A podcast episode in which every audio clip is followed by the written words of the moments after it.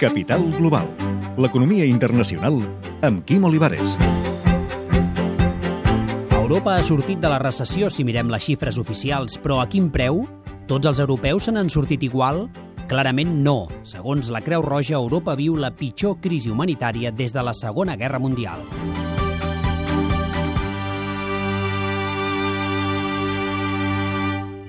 Que macroeconómicamente haya una salida de la recesión, pero que pues está dejando una secuela de personas que tienen un trabajo, no llegan a fin de mes y personas que se han quedado excluidas y que tardarán mucho tiempo en volver a, una situación normalizada. Era José Javier Sánchez Espinosa, subdirector d'Inclusió Social de la Creu Roja. La crisis ha afectado no solamente en tema de desempleo, sino también a nivel de los recursos sociales que hay disponibles y también es el fenómeno de los trabajadores pobres, personas que tienen un trabajo pero que incluso tienen un trabajo no les permite llegar a final de mes. Europa ha copiat als Estats Units. Joaquim Novella és catedràtic de Política Econòmica de la Universitat de Barcelona. A Europa es diferenciava dels Estats Units, entre altres coses, perquè a Europa una persona que tenia treball no era pobra. Ara a Europa ja no es pot dir el mateix. Pots treballar i ser pobre. Els salaris han baixat molt. S'ha demostrat que quan les crisis a l'Estat ajusta i el sector privat està malament, les desigualtats augmenten. L'Estat no ha fet el paper que li tocava de compensar amb la despesa pública a favor dels que tenen menys.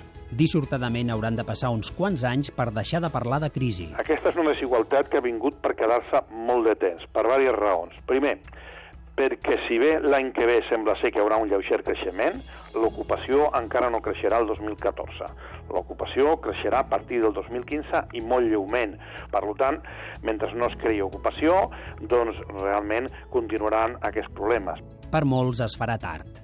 Estamos viendo que el porcentaje de personas que creen que su situación ya nunca más va a mejorar cada vez va creciendo. Y entonces eso es muy, muy peligroso porque desactiva la, la motivación de la persona para salir adelante. Aquesta penúria provoca efectes psicològics, com recorden des de la Creu Roja. La situación de vergüenza que la, que, que el, la dificultad económica provoca en muchas personas también están provocando ese aislamiento. Decir, yo no salgo para que el vecino no vea que no tengo mmm, para vestir o que no tengo para comer o que no puedo pagarme una cerveza. Todo ese aislamiento y la falta de perspectiva lo que provoca es una situación de desánimo i una situació de depressió. L'impacte humanitari de la crisi a Europa és desigual i amb alguna sorpresa. Segons la Creu Roja, el percentatge més alt de ciutadans que viuen per sota el llindar de la pobresa a la Unió Europea és a...